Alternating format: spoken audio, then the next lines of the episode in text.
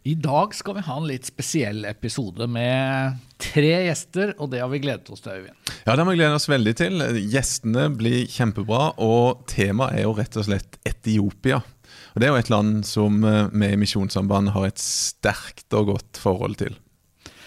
Og dermed ønsker vi velkommen til en ny episode av podkasten Ottosen og Generalen. Og vi er da to ledere i Misjonssambandet som er opptatt av litt av hvert og i dag så er vi da særlig opptatt av Etiopia. Ja, og denne gangen Espen, så kommer vi jo ikke utenom å fortelle at det har kommet en ny uh, liten uh, kvinne inn i ditt liv. Nei, det var, en veldig rar måte å si det på, men uh, det har skjedd store ting. Ti dager siden, når vi sitter her nå, så ble jeg bestefar. Eller farfar, som jeg har fått uh, beskjed om å, å kalle meg. Ja. Syns du det er greit? Bestefar, farfar? Litt uvant, men det kommer til å gå seg til, altså. Mm. Men ei lita jente på litt over tre kilo uh, kom til verden. Hun uh, bor åtte minutter unna meg med bil, så jeg har sett henne en del ganger. Hver dag? Ikke fullt, men nesten. Mange bleieskift har det blitt til nå? Altså, Jeg er veldig glad i å skifte bleier, ja, det er det. Uh, egentlig. Og ja. syns jeg har ganske god trening på det. Um, jeg tror jeg er oppe i eh, sju-åtte. Uh -huh. Ja, jeg hadde kanskje tenkt det var mer, faktisk. Du er jo en, du er en over gjennomsnitt uh, ivrig bestefar. Farfar. Det må gå an å si det. Det er tidlig da, å si det etter ti dager, men jeg skal prøve å holde koken. altså. Men, men, det tror jeg du kommer til å gjøre. Men det med bleieskift, altså det, det syns jeg kan være litt koselig. Men hun lille Åsne som kom til verden, hun hadde en tøff fødsel og syns nok de første dagene at det var litt sånn tøft å bli skifta på litt sånn utrygt å ligge på et stellebord. Mm. Så, men de to-tre siste rundene, da har det gått smooth. Så, så nå er jeg liksom i, i draget. Ja, det er nydelig. Ja. Det er fint å se. altså En stolt og glad farfar som kommer og viser fram sitt eh, barnebarn på trygg avstand, da, selvfølgelig. Ja. Det, det, har vært stort du, å se. Du har jo sett henne, ja? Ja, jeg, jeg, jeg har ja. sett det. Det er en nydelig lita jente. Og så har jeg ei kone som har gitt klar beskjed om at, uh, at jeg trenger ikke å ta alle uh, bleieskift. eller liksom ta... Så i går var faktisk kona mi, altså Trine da, på besøk uten meg. Oi. Fordi at nå hadde jeg hatt noen runder og passet åsene eh, hvor jeg var aleine, så nå var det hennes tur. ja. Nei, det der blir bra, altså. Det blir bra. det, altså, nå er jo du faktisk noen få måneder yngre enn meg. Men det er jo noe med bestefarstatus som gjør at du føler deg fryktelig gammel, eller? Um, altså, jeg er jo gift med en bestemor. det sier jo sitt, på en måte. Så, men det, det, går fint, altså. Um, ellers, uh, siden sist så hadde vi jo Asle Toje på besøk. Og Dagen de lagde jo en kjempereportasje om uh, intervjuet vårt og samtalen vår med Asle Toje. Det var litt hyggelig. Det, det var veldig hyggelig. Det er fint å få litt uh, oppmerksomhet av mediene. At det er andre som syns det er interessant, det vi lager. Og det var vel antagelig første gang uh, at han fortalte så offentlig om en ganske radikal omvendelse. Så Litt eksklusivt, må vi si at uh, denne podkasten ja, var da. Det var jo en usedvanlig hyggelig mann, som var litt komplisert med både indre Agder og rånetendenser og veldig høy akademisk standard. Men det, det viser jo at det er, det er, mulig å kombinere de to. Absolutt. Så det er jo en trøst på en måte, for deg. For meg, måte. ja. det er jo det. Ellers så er vi jo da i smittepølen. Vi sitter her i Bjerke bydel, som vel er en av de bydelene ja. i eh, Oslo med mest smitte. Er det Bjerke eh, bydel? Nei, det, det, her er faktisk eh, oh, Fjellaug er en del av Grünerløkka.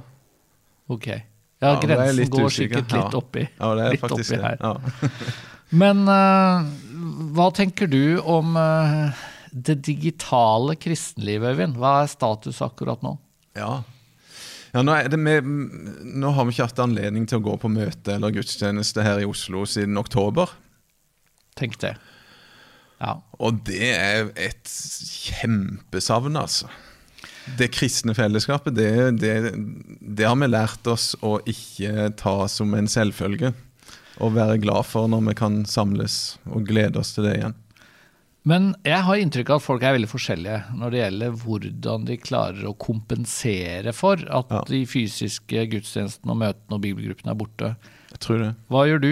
Klarer du å sette deg ned søndag klokka 11 og se et eller annet på TV, eller hvordan gjør du det? Ja, jeg gjør det fordi at jeg har en ganske streng kone. Reidun hun er veldig Vi skal ta på gudstjenesten og, Ja.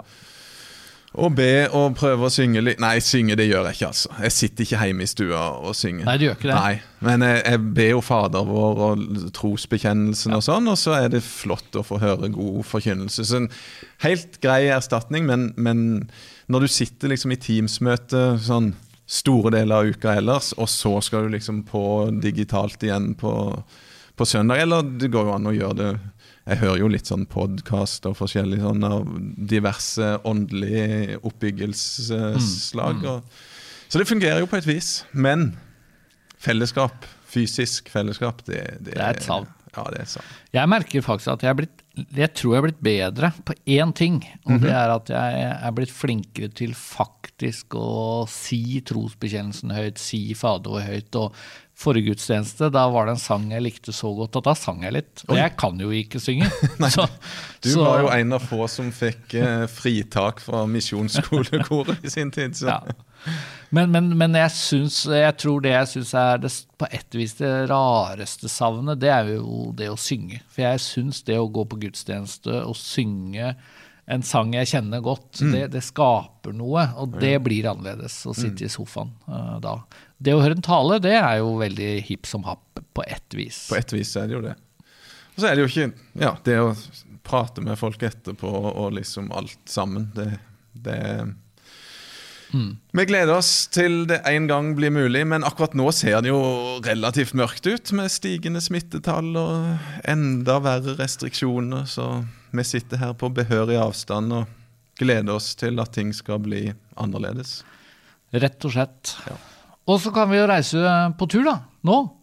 Ja. Litt sånn virtuelt til eh, Etiopia. Det er helt sant. Nå skal vi snakke mye om Etiopia. Vi skal snart uh, snakke med første gjest, stedlig representant. Men uh, vi må fortelle litt hvorfor Etiopia. For det, det er jo ikke helt tilfeldig, selv om vi har mange misjonsland som vi kunne snakket med. Mm.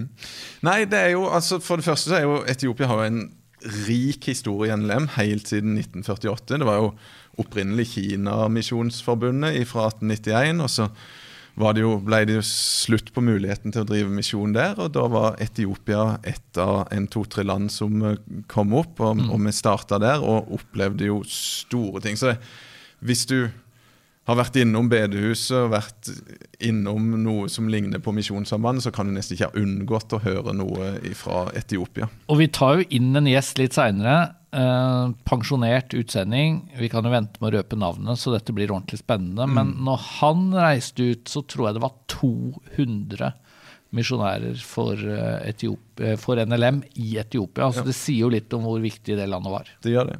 Og nå i det siste så har det jo skjedd ganske store politiske omveltninger i landet, og det, det er jo, regner jeg med at mange syns er litt interessant å få litt grann analyse av hva, hva er det som skjer, og hvordan kan vi forstå det som skjer i Etiopia nå politisk. Ja, for det var eh, ikke langt unna at eh, vi nærmet oss borgerkrig. I hvert fall, det var det frykten i høst. Det var jo det.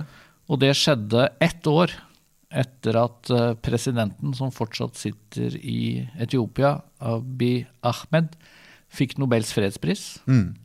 Så, så her er det mye å snakke om. Skal, skal vi ta inn uh, gjesten vår? Da går vi til Etiopia og bruker alle digitale muligheter som fins. hører du oss, uh, stedlig representant Torunn Haukevik Minnesjord? Ja, jeg hører dere. Så bra. Du, hvordan er livet i Etiopia akkurat nå? Eh, Jo, det er, her er det bra. Sol og sommer og varme grader. Så vi kan jo ikke klage på det. Og du sitter i hovedstaden i Addis Abeba ikke sant? og leder da NLMs eh, arbeid. Det stemmer. Du kom jo ut på ei ganske spesiell tid da, Torunn, med både stor politisk uro og korona, eller covid-19 som en kanskje sier mye internasjonalt. og Det var en eh, spesiell tid å starte opp i. Um, ja, det var det. Um, det var ikke så mange ukene etter at vi kom, så brøt ut krig i nord. Og det kjente jeg at det uh, Det var litt tøft, fordi at jeg var her også i 1991 under uh, kommunismen like før den falt. Mm. Og, og, kjente på noen av de samme spenningene og følelsene, faktisk. Um, da, den gang var jeg i CE, og vi satt, kart, satt, rundt kartet og fulgte med hvor troppene sto hen. Mm. Så det, det, kjentes det når det liksom brøt ut der i nord, altså. Det må jeg si. Mm. Men hva er situasjonen akkurat nå? Altså, har ting roet seg fullstendig ned? Er det fortsatt uh, mye fokus på den uroen som var? Hva, hvordan vil du oppsummere opplevelsen der du sitter? Ja, det, det, som er litt eh, kjennetegner Etiopia litt, er at det er veldig vanskelig å få informasjon. Å få korrekt informasjon om hva som skjer. Mm. Det, det, merker vi. Um, og i alle fall ikke fra nordområdene. Og så blir det gjerne litt motstridende opplysninger. Så vi er jo egentlig ikke helt sikre på hva som skjer. Men det vi vet, det er, eh, fordi vi opplever det, det er at det er stort sett eh, trygt å reise nå for tida. Og arbeidet det går sin vante gang der vi har utsendinger, og det er vi takknemlige for. Så på en måte for oss så, så virker det ganske rolig, da, men nå er jo vi ikke i nord. Vi så dere merker ingenting? I og sørover. Ja. Det er jo der arbeidet vårt tradisjonelt har foregått, fra Addis og, og sørover. Og der ja. er det ingen sånn spesiell uro å merke?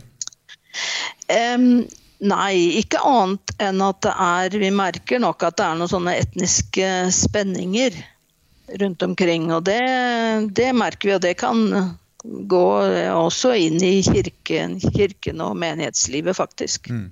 For når du sier etniske spenninger, så, så det, det, er jo kanskje ikke alle som vet det, men det er jo faktisk over 90 forskjellige folkegrupper i Etiopia.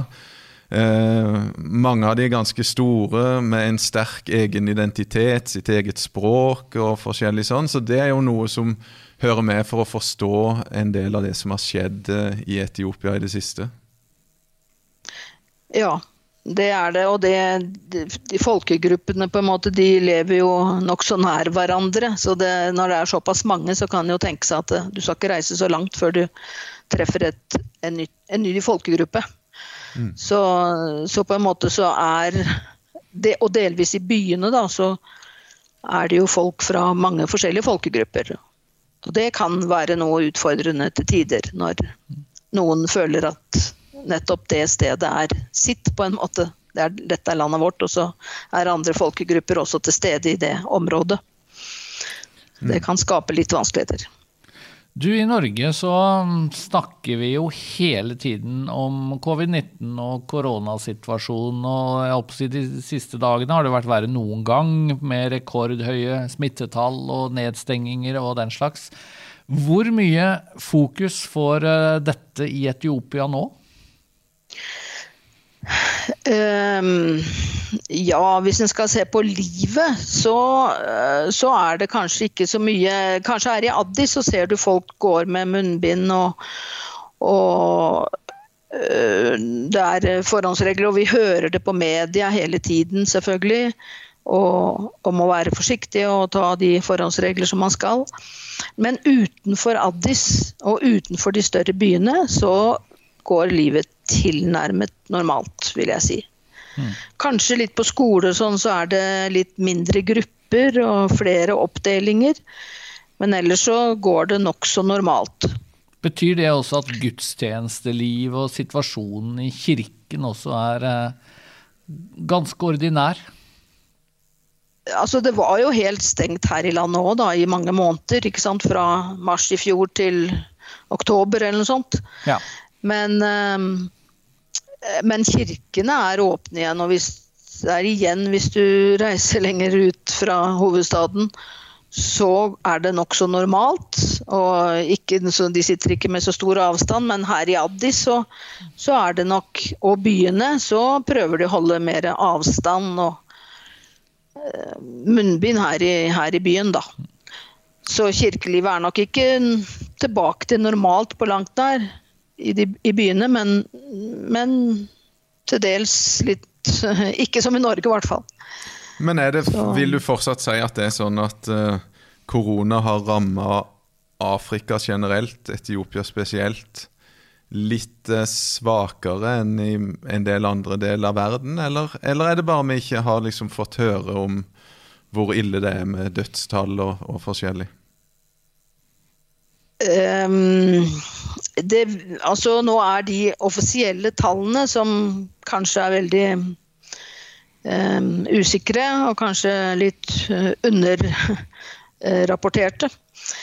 Uh, men så er um, inntrykket nå litt, Både tallene og inntrykket er at antall smittede nå går litt oppover enn det det har gjort. Det har ligget vært ganske stabilt. Og det har virka som det ikke har vært sånn veldig mange smitta i forhold til folketall og sånn, men nå ser vi at det går opp. Og vi hører om folk rundt oss som får det. og mm. Samtidig så synes det som at symptomene hos de fleste her i landet som får korona, ikke er så alvorlige. Mm. Du, Vi må snakke litt om kirkesituasjonen også. For noe av det aller mest spesielle med Etiopia, det er jo den enorme kirkeveksten vi har hørt om eh, i år etter år. Mekanesuskirken, som jo da er en lutherkirke, bl.a. en frukt av NLMs eh, lange arbeid i Etiopia, ble vel danna på 50-tallet. Uh, og har i dag ni millioner medlemmer eller noe sånt. Det har jo vært en... Eller har det bikka ti? ja, jeg tror nok det er bikka ti, og vel så det. Ja. Betyr det at eh, veksten bare fortsetter? Det er, eh, for det betyr jo at dette er verdens største lutherske kirke, det, faktisk. Ja, det, det var nok slik, i hvert fall helt til koronaen satte inn, i alle fall. At det var liksom en sånn veldig stigende vekst. Men så ble jo liksom plutselig det plutselig stopp, da, her som ellers i verden, i flere måneder. Mm. Eh, men kirkeveksten, eh, den sies å fortsette i samme, i samme takt som før, altså. Nå kan nok sikkert de som kommer etter meg her, eh, fortelle litt mer om detaljene i dette, tror jeg. Men, men, det er kanskje snakk om 11 millioner medlemmer, eller noe rundt der, i Mekanesuskirka nå? Ja, jeg tror de regner et sted mellom 10 og 11. Mm. Det er de siste tallene jeg har hørt, i alle fall. Så det er, jo, det er, jo, den desidert største lutherske kirka i, i, verden. Det er jo ingen tvil. Ja, for jeg husker jo så godt. altså Jeg har jo av og til holdt noen foredrag om misjonssituasjonen og det siste tallet, men det var nok over et år gammelt. Det var ni, mm. eh, som jeg hørte. Men jeg har jo jobba en stund eh, i NLM og snakket om dette, og jeg tror jeg kan huske at jeg har skrevet en gang at nå passerer man fem millioner eller noe sånt. Mm. Så, så, det er jo en dobling, eh, på, og, og da en dobling i milliontall mm. på ganske få år. Det er fantastisk. Det hører jo med til bildet at det er jo en veldig høy befolkningsvekst i Etiopia generelt. og Den er jo atskillig høyere enn her i Norge. Det er, biolo det, det er, biologisk kirkevekst? Ja, men, men kirkeveksten er jo atskillig høyere ja. enn befolkningsveksten. Men, ja. men, det er klart for å forklare den voldsomme veksten, så må du jo ha med i, i, i bildet den generelle befolkningsveksten, selvfølgelig. For det er over 100 millioner mennesker i Etiopia. Så det er jo, og som du sa, rundt 90 eller et eller annet sånn folkegrupper. Så det er jo et kolossalt stort land. Ja. Vi sitter her og er litt misunnelige på deg, Toren, som får være i uh, Addis nå og drive med det du eh, gjør. Det er veldig spennende, det som du får driver på med nå. Altså. Men har du noen melding til folk som ber, og som er engasjert i misjonsarbeid? Er det noen spesielle ting du kunne tenke deg å, å nevne for oss? Ja, det er mye. Jeg kunne også lyst til å minne folk om å be for landet de neste månedene. For nå nærmer det seg valg, og det er alltid en spennende tid. Mm. Så det er fint om de ber for både land og folk og oss utsendinger. Ellers så er det jo et litt annerledes arbeid vi driver nå enn i, jeg håper å si, i når jeg var her ute for over 20 år siden, 23 år siden. Og andre områder, og ikke så lett å drive arbeid, selvfølgelig.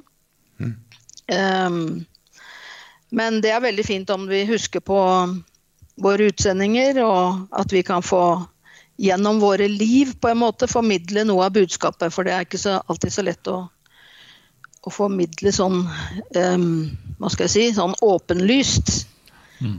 slik vi jobber nå. Nei, for Nå er jo arbeidet konsentrert om noen av de minst nådde gruppene i Etiopia, som, som er muslimske folkegrupper. Ja, det er det. Det er også i Sør-Omo, da. Det er jo også et område hvor, vi, hvor det er fortsatt unådde folkegrupper. Og de er jo ikke muslimer. Mm. Men uh, mye av arbeidet retter seg blant, er blant muslimer. Du, Tusen hjertelig takk, eh, Torunn, for at du blei med. Vi var jo litt spent på om lyden skulle bære bra, og om internettfasiliteten i Etiopia var god nok. Det var det jo i massevis. Eh, flott eh, å ha deg med. Tusen takk for at du ble med, og du må hilse veldig mye til alle vi kjenner. Både kirkeledere og misjonærkolleger og alle sammen. Absolutt. Takk, det skal jeg gjøre. Og så var det jo interessant, Øyvind, å, å, påpeke det. For noen lurer sikkert på, etter at vi har hørt at det er over ti millioner medlemmer i eh, samarbeidskirken vår i Etiopia, hvorfor i alle dager vi har folk der? Mm. Og da er vel svaret at uh, vi har ikke hva skal vi si, sånn helt generell misjonsvirksomhet i Etiopia. Den er ganske målretta. Den er ganske målretta mot de minst nådde folkegruppene, som Kirka òg gjerne ønsker å nå. Så vi, vi, prøver jo å gjøre det så godt vi kan sammen med Vi kan Jesus-kirka. Og så er det jo min, En av mine ting som jeg er veldig opptatt av, er hvordan kan vi sammen med Vi kan Jesus-kirka gå ut i verden til andre mm. unådde folkegrupper. Det, det, er jo noe av det som vi, vi har veldig interessante samtaler med kirkeledelsen i Etiopia å gjøre. Nå er det en stund siden nå pga. alt som vi har snakka om, som gjør at det har vært mm. vanskelig. Men, men, vi håper å kunne se enda mer konkret samarbeid med, med, med ei kirke som er stor, vital, masse nådegave og ressurser på veldig mange måter. Og, og, og jeg tror det kan bli en stor misjonskraft i framtida. Jeg har jo også bare lyst til å nevne, Øyvind, når vi snakker om Etiopia, så er jo det et utrolig variert land. Mm. Og uh, det har jo du og jeg ja. opplevd sammen. Altså, vi, har jo sammen hatt, vi har jo hatt en tur der sammen, og den gikk jo uh, I flere dager var jo vi på biltur. Ja. Innover i den mest muslimske delen av Etiopia. Ja. Jeg husker fortsatt en punktering ja. jeg husker at vi fikk fantastisk italiensk mat i en liten muslimsk landsby langt i nord i Etiopia. Ja. Det, var, det, er en tur jeg ikke glemmer. Det, det, det er mange store opplevelser som jeg òg har hatt i, i Etiopia. Altså min, min, store sorg foreløpig, jeg håper at det er mulig å rette på det, det er at ja, jeg, jeg har aldri vært i Javello. Og du vet, Jeg vokste opp med Gunnar Oseng som heimkommen misjonær. Han starta guttelag hjemme, og han snakka så mye om Javello. Ja. Og av litt sånn ulike tilfeldigheter så har jeg vært i stort sett alle de kjente plassene som, som det var misjonærer i gamle dager, og som det er nå. Men ikke Javello. Så jeg håper at det er mulig å få ordna på det en dag. Jeg har, har, ikke noen sånn drøm. Jeg føler liksom at den turen jeg var på, det, det var den ultimate turen i Etiopia. Men, mm. uh, men, jeg kan bli med til Amavello en gang. Det høres jo fristende ut. Vi får se om vi kan få det til. Ja. Høre med Torunn seinere om det er mulig at hun kan ta oss med til Javello. Men apropos de uh, gamle stedene, så huker vi tak i nå en veteranmisjonær. Det gjør vi. Da har vi med oss Arne Solberg du eh, har vært i Etiopia i mange år og dro første gang for lenge siden. Kan ikke du si litt om hvorfor det blei Etiopia?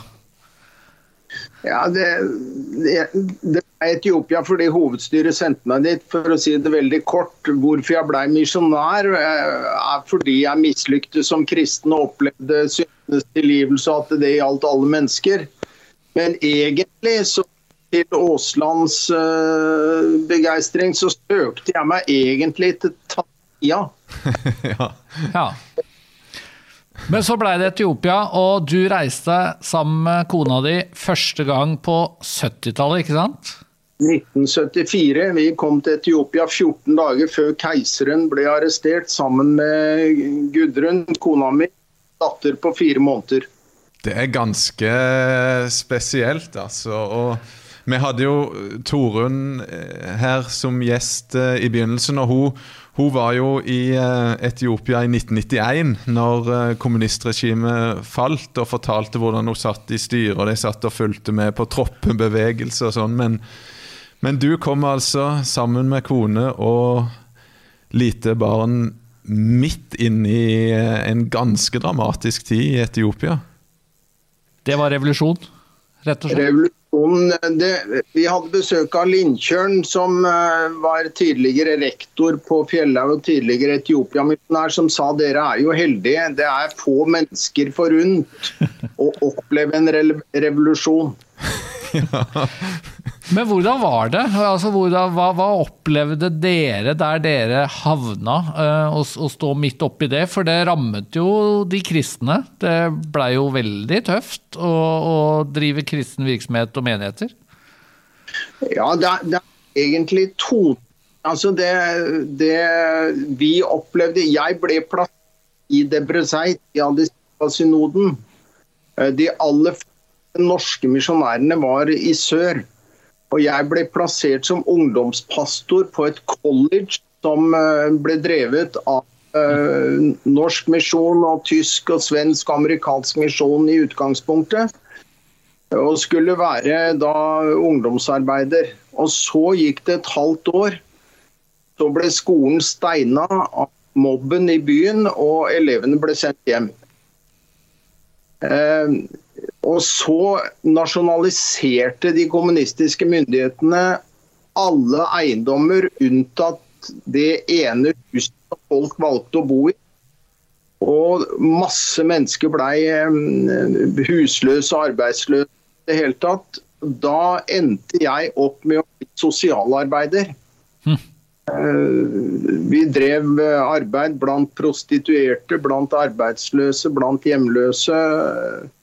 Eh, og det var, det var, eh, altså Vi opplevde lik i gatene, deportasjoner av mennesker. Så det var eh, generelt en ganske tøff periode for folket. I tillegg så kom jo da den kommunistiske ideologien til å prøve å undertrykke kirken. Så jeg Og, og, og vi kom ut i den perioden som var da integrasjon var på en måte over, men eh, kirken skulle etablere seg som selvstendig i landet. Og jeg fikk en etiopisk sjef, en eh, prest, og det var et fantastisk privilegium. Uh, ja. ja, for når, du, når, dere kom ut 1974, da var kirken 20 år. Vi har allerede snakka litt om hvor, altså at nå er det en kirke med over 10 millioner medlemmer. Men situasjonen var vel en helt annen da? Ja, Kirken ble jo etablert i 1959, eh, og det var jo norske misjonærer som var arkitektene sammen med tysker og svensker. Eh, og du, som du sa, så var revolusjonen en del eh, undertrykkelse av kirken. Samtidig så ble også revolusjonen starten på mulighetene i mange områder. Debrezeit f.eks. Der var det ikke lov å drive evangeliseringsvirksomhet fordi det var statskirke i landet. Og revolusjonen opphørte, opphevde statskirken, og det ble religionsfrihet. og Det gjorde at vi kunne arbeide ute i distriktet mm. og, og blant byens befolkning. Eh, men det var jo få kirkemedlemmer sammenligna med i dag. Mm. Du, det jo, én menighet i Debrezeit, og nå er det jo eh, 10-20. Hmm. Du nevner den ortodokse kirka så vidt her, Arne. og det, det er jo Etiopia har jo en veldig spesiell historie, med et sterkt keiserdømme i 700 år. eh, Og med en stolt og sterk tradisjon av at det har vært et kristent land i, i alle tider.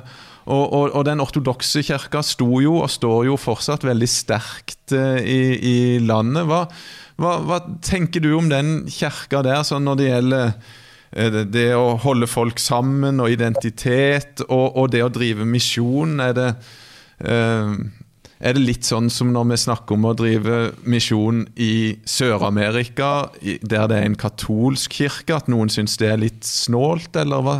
Ja. Det, var, det var mange spørsmål i ett, men du får velge hva du vil svare på.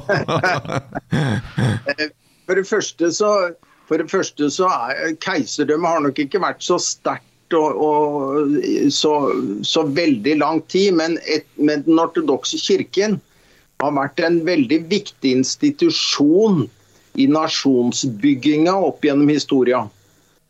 Eh, Den, den begynte jo på 300-tallet, så det er en gammel kristen kirke. Og de første evangeliske misjonærene som kom til Etiopia, fra både Tyskland og ikke minst fra Sverige, som kom tidlig, den Visjonen for mange av dem var jo å revitalisere den etiopiske ortodokse kirke.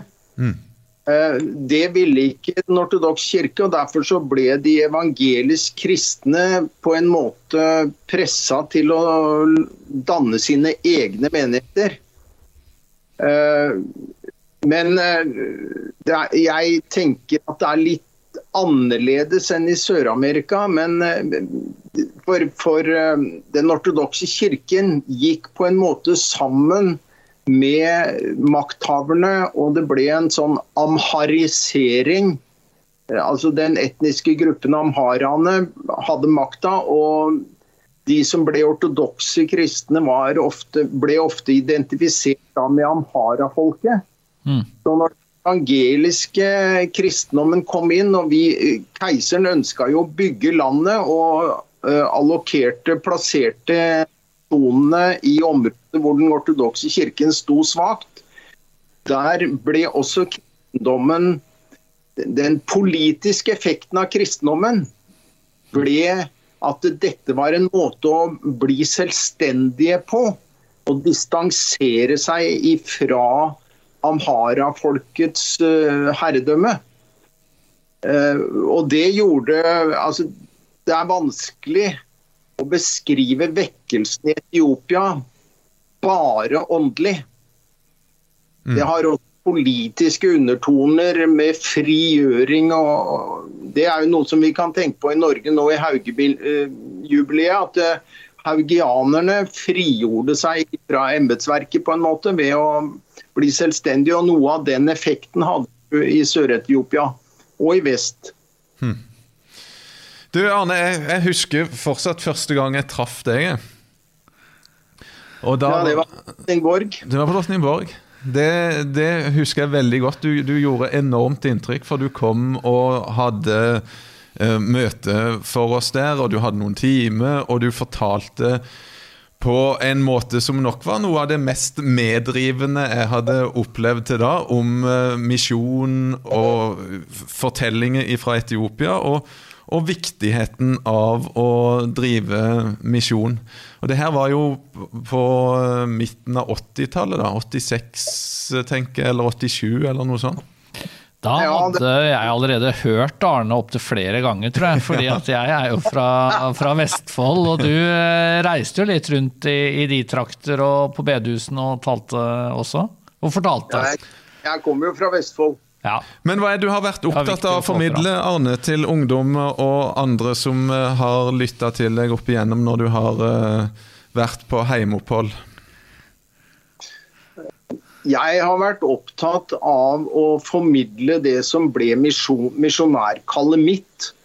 Eh, syndenes tilgivelse. Og det å finne en nådig Gud, og at det gjelder alle mennesker. Eh, samtidig, når det gjelder misjonsarbeidet, så, så har jeg vært eh, opptatt av å formidle at vi ikke er ute for å belære folk som misjonærer. Vi er heller ikke ute for å styre folk, men vi er ute for å tjene og formidle evangeliet. Eh, det har vært noe av eh, drivkrafta hos meg, egentlig. Fordi når vi kom til Etiopia, så opplevde vi kirken og etioperne som det var et skjebnefellesskap for oss alle sammen. Jeg satt ei uke i fengsel sammen med etiopere. Og det å, det å dele kår mm. Et av barna våre døde i Etiopia, og, og, og, og det var når vi kom ut av andre periode. og Da kom presten som hadde vært min sjef i første periode, han reiste 30 mil for å være sammen med oss en ettermiddag og dele Guds ord og trøste oss. Mm. Og den opplevelsen av å stå sammen uavhengig av at vi er ulike kulturer, men, men med det fundamentet at vi er tilgitt til syndere. Mm. En fantastisk opplevelse. og Det gjorde at vi identifiserte oss fullt ut med Mekaniesuskirken, som var et resultat av misjonens arbeid. Og på mange måter så opplevde misjonsfolk i Norge Etiopia-arbeidet som en, eh, en, bekreftelse på målsettingen for Kristus. Det var mennesker som søkte til Kristus. Og det at vi etablerte en kirke der, og den tok ansvar for arbeidet i sitt eget land, var en, en oppfyllelse eller en måloppnåelse, ville man vel sagt i dag med ledelsesspråk, det var en måloppnåelse av formålet vårt å bygge en nasjonal kirke. Mm. Eh, og disse tingene har vært opptatt for meg. Samtidig så er jo jeg en 68-er. Eh, mm. Disse kulturradikale og kritikken mot visjonen var jo enorm. Og det å kunne vise hva misjonen var med på å bygge opp helseinstitusjoner, undervisningsinstitusjoner, landbruk og bistand. Mm. Eh, og det å bygge det har vært viktig for meg. For det, hvis ikke evangeliet blir inkarnert i folket og i livet, så blir det noe overfladisk. Mm. Hva tenker du om den voldsomme veksten som kirka har hatt, og, og hva som er veien videre for hva, hva, tenker du kan være veien videre for kirka og for samarbeid kirkemisjon inn i 2021 osv.? Eh, sånn som jeg har opplevd kirka i de ulike posisjonene som, eh, som jeg har jobba med, så har, eh, har kirka vært opptatt av å nå ut til hele Etiopia når vi kom til Etiopia, så kom revolusjonen. Det har jo vært sånn endringsledelse hele veien i arbeidet i Etiopia. Det har gått fra den ene fasen til den andre, og hele tida har de nådd nye mennesker. I hovedsak så er det etiopierne selv som har nådd nye mennesker. Mm.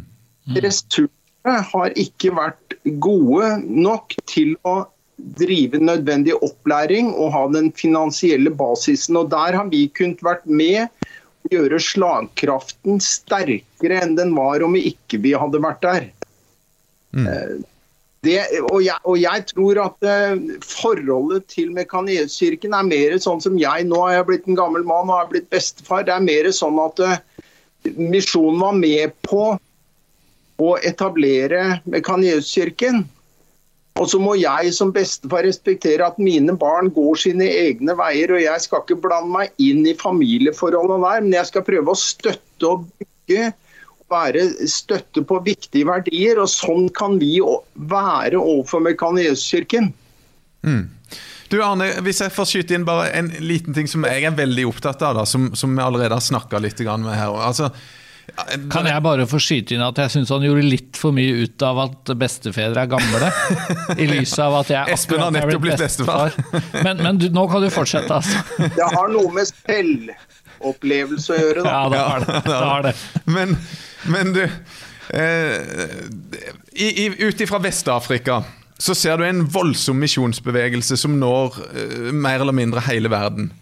Ja. ut ifra Øst-Afrika, altså Etiopia, Kenya, Tanzania, som er land som vi kjenner ganske godt, ikke sant? Så, ja. så, så, skjer det ikke fullt så mye. Og noe av det som jeg har tenkt ganske mye på de siste fem åra, er at det hadde vært så utrolig flott å få se en sånn skikkelig misjonsbevegelse ut ifra Øst-Afrika og Afrikas Horn. Og at kanskje Misjonssambandet kan få være en bitte liten sånn katalysator for noe av det engasjementet der. Jeg vet ikke hva du tenker om sånne. Er det, er det tid for å begynne å tenke sånn, eller? Ja, det har jo vært tid for å tenke sånn lenge. Men, men jeg tror noe, noe uh, av det du begynte Du snakka om etnisitet og Etiopia og keiserdømme og et land. Noe av det som har forstyrra oss i det å erkjenne og faktisk bekrefte den sterke misjonsbevegelsen i Etiopia, er at Etiopia egentlig er et land sammensatt av veldig mange ulike folkegrupper. Mm. Og når evangeliet kom til Volga i vest, med etiopere, tigreanere fra Eritrea og frigjorte slaver. Når Jesuskirken ble etablert i Addis Abba, så var den første presten tigrianer fra Eritrea som sønnen hans alltid omtalte som misjonær til oromofolket. Mm -hmm. Og når evangeliet kom til Sidamo, så kom det med Volaita-evangelister som var blitt vunnet i Volaita, og som ville bringe evangeliet til Sidamo-folket. Og Sånn har på en måte hele Etiopia blitt evangelisert ved at etioperne selv har kryssa kulturgrenser. I noen tilfeller så er det lettere for hit å krysse en sånn kulturgrense enn etioper. Men, men det at vi nå kan være med og både være til stede i Etiopia og støtte og gi eh, styrke til undervisning og opplæring, eh, og kanskje noen økonomiske muskler, samtidig som etioperne, som har en enorm Eh, brann for evangeliet, og samtidig har lite ressurser. At vi kunne bruke dem å være en slags At det kunne være et samarbeidsprosjekt hvor de kunne sende folk og vi kunne være med og støtte litt, samtidig som vi gjør opplæring. Det tror jeg er en kjempeoppgave for oss. Veldig viktige perspektiver, Arne. Men vi må også snakke litt om den politiske spenningen som du helt sikkert har fulgt med. Hvordan, Opplever du som sitter i Norge, det som uh, uh, har, har, uh, har, preget Etiopia nå i litt over et, et år? Det som, det som, skjer nå, er jeg, ja, jeg kan ikke si noe annet enn at jeg syns det er en katastrofe. Jeg er veldig, jeg er veldig trist. og jeg håper at Kirken og de kristne kunne være forsonende elementer, salt og lys, inn i denne, denne sammenhengen. Men samtidig så må jo vi i Norge også prøve å, altså prøve å, være litt ydmyke. Vi klarte ikke å leve i fred med svenskene, og vi måtte dele oss. og Det er egentlig samme folket når vi sammenligner med der. Og der ute er det atskillig større motsetninger. Ja, for jeg tror jo at noe av det som er vanskelig for nordmenn da, å forstå, er jo at, at, vi har en helt annen situasjon. Altså, Etiopia er på en måte ett land. Og så er det omtrent eh, ja, borti 100 ulike folkegrupper. Og opp gjennom historien så har det vært eh, sterke motsetninger. Det er jo da ulike språk selvfølgelig på disse folkegruppene. Det å greie å lage et land hvor jeg holdt på å si alle er så fornøyde, at det da ikke blir store etniske spenninger, det er sannelig ikke lett. Men det betyr også kanskje at det er vanskelig å fordele skyld, da. Eh, mm. og, og, bare sette to streker under et svar når det gjelder om det er dagens statsminister som ikke fortjente Nobels fredspris, eller om det er disse tigraiene i, i nord, eller Altså, det er et komplekst bilde. Altså, Jeg tror ikke vi skal fordele skyld. Jeg tror det er riktig å plassere skyld på enkeltmennesker for enkelthandlinger innimellom.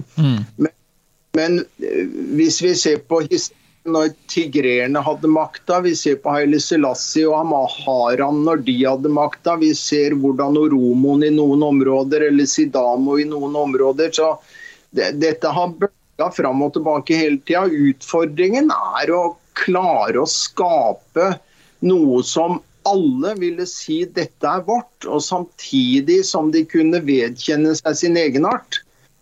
Eh, no, noe av det store som jeg har opplevd av nasjonalfølelse, er jo når etiopiske idrettshelter har hatt en gullmedalje. Da Dette er oss. Men, men det å finne det som kan være nasjonalbyggende følelser, Mm. det er ekstremt vanskelig språk. Eh, Nyerere klarte det kanskje litt i Tanzania, selv om eh, veksten ikke var så stor. Men det, både Tanzania og Kenya har jo swahili, som er et, på en måte et fremmed eh, kunstig språk. I Etiopia så må de velge blant sine egne, og med en gang så har du satt eh, etnisitet på agendaen. Mm, veldig viktig perspektiv der, altså. Du, Arne, jeg er jo, øh, som jeg sa, har sagt før, så Så, det, så har jeg vært veldig opptatt av sånn I den tida vi har nå, som mange opplever som vanskelig, med pandemi og, og stengte forsamlingslokaler og, og alt mulig sånn. Ehm, hva tenker du at vi kan lære av hardt prøvede opp igjennom årene brødre og søstre fra Etiopia?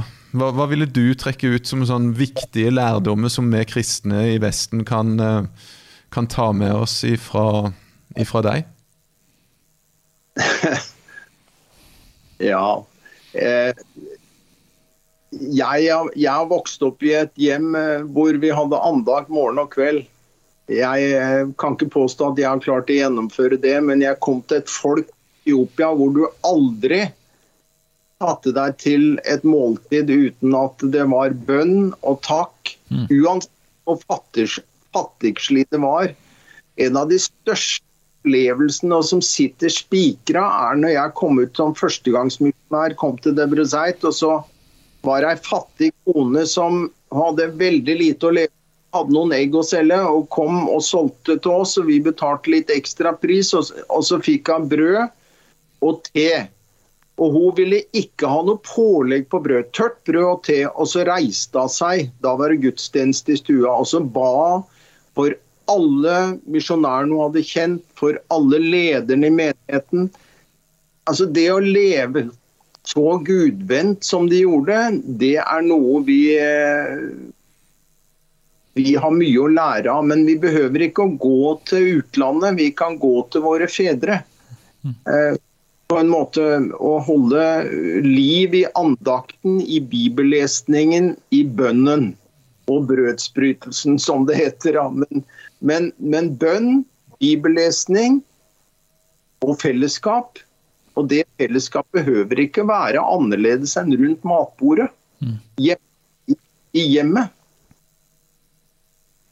Jeg, jeg tror ikke jeg, jeg, jeg vil ikke si noe annet, men, men gjennom forfølgelsen altså jeg, opplevde jo at eh, flere av mine venner er blitt skutt fordi de var kristne, og drept. Mm.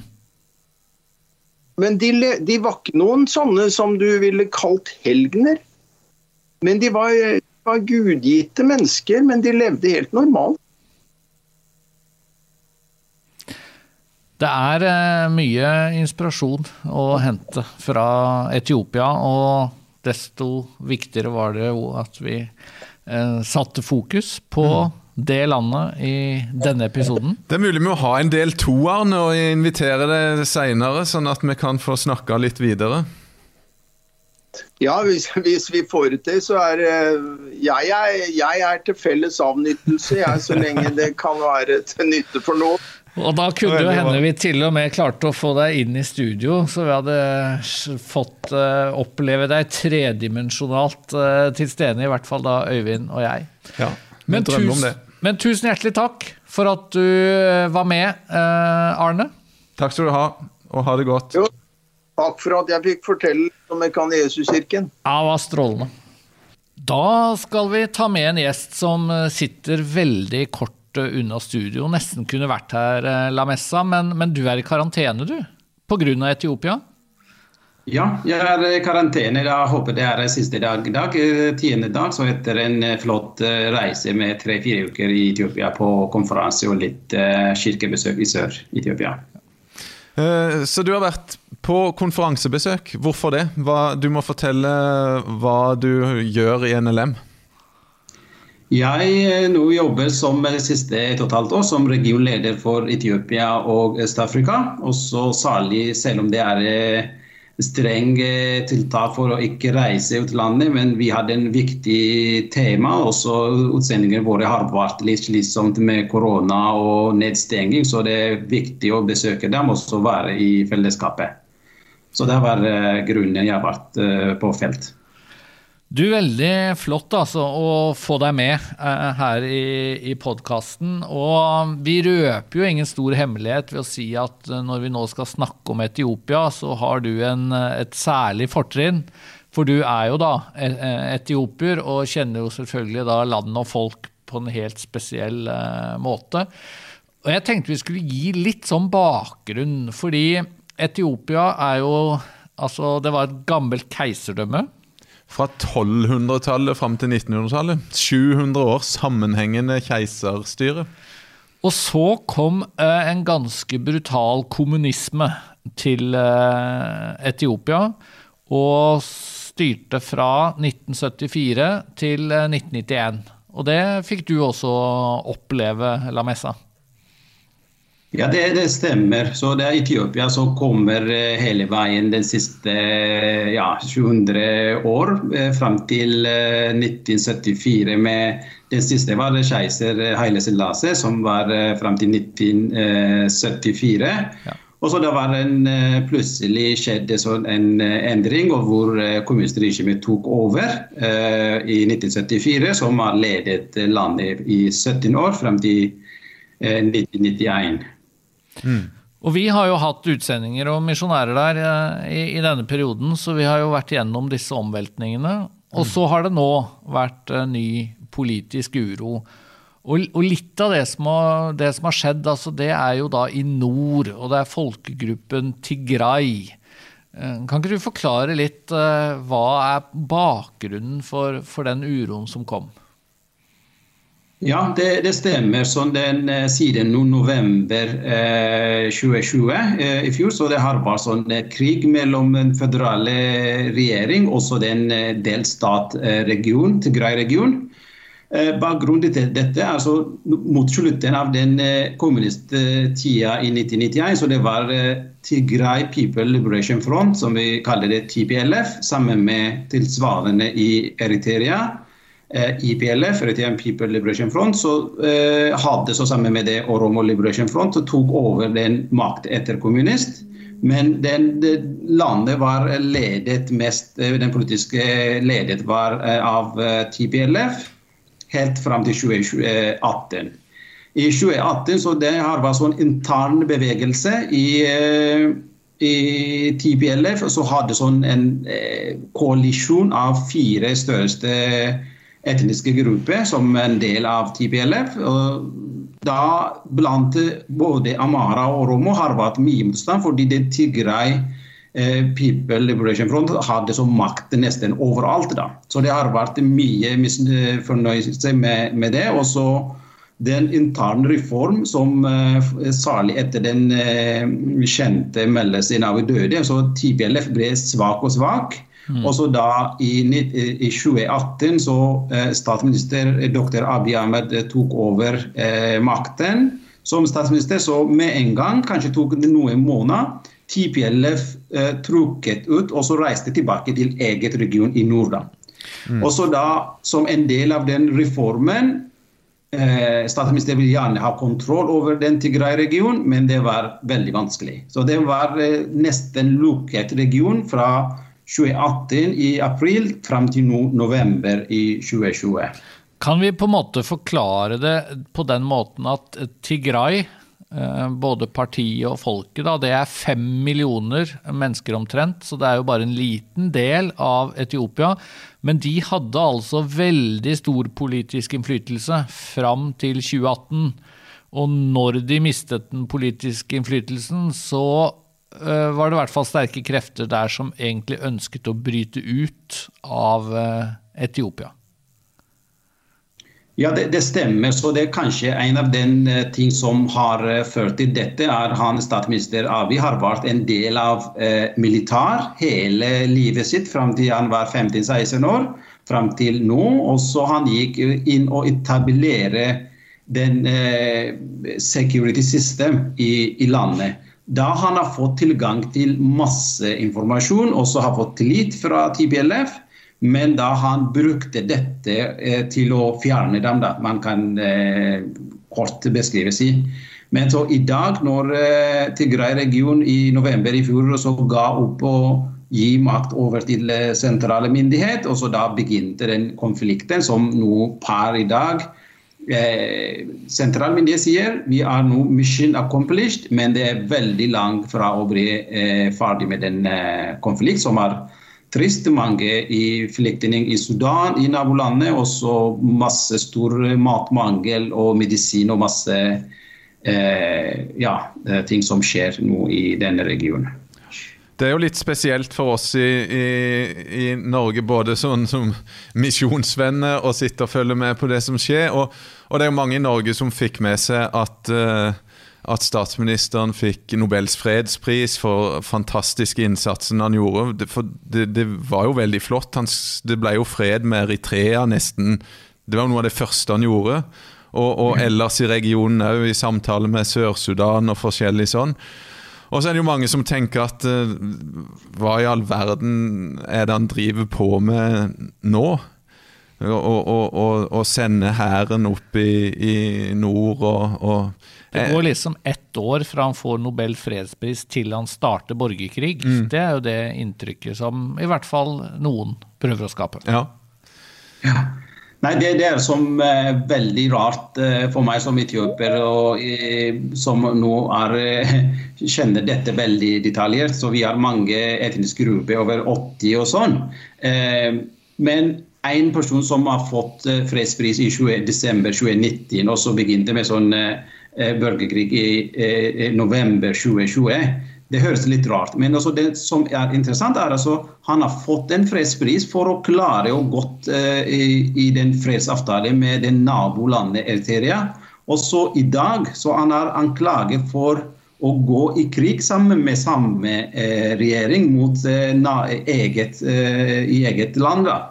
Så, så, som, ja, eh, Abi pluss eh, Isaias fått fredspris, og så Abi og Isaias og i, i krig mot eh en del av etiopiere i, i, i Nord-Etiopia.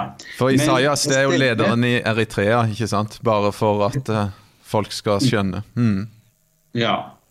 Det, det, som er uh, veldig spesielt, er også at uh, nå har Amnesty International publisert en omfattende rapport 26.2 Eh, som sier dette er sånn systematisk eh, massakre på, på hundrevis eller tusenvis av sivile i den eh, hellige by Aksum. Eh, mellom 600 til 800 som var drept.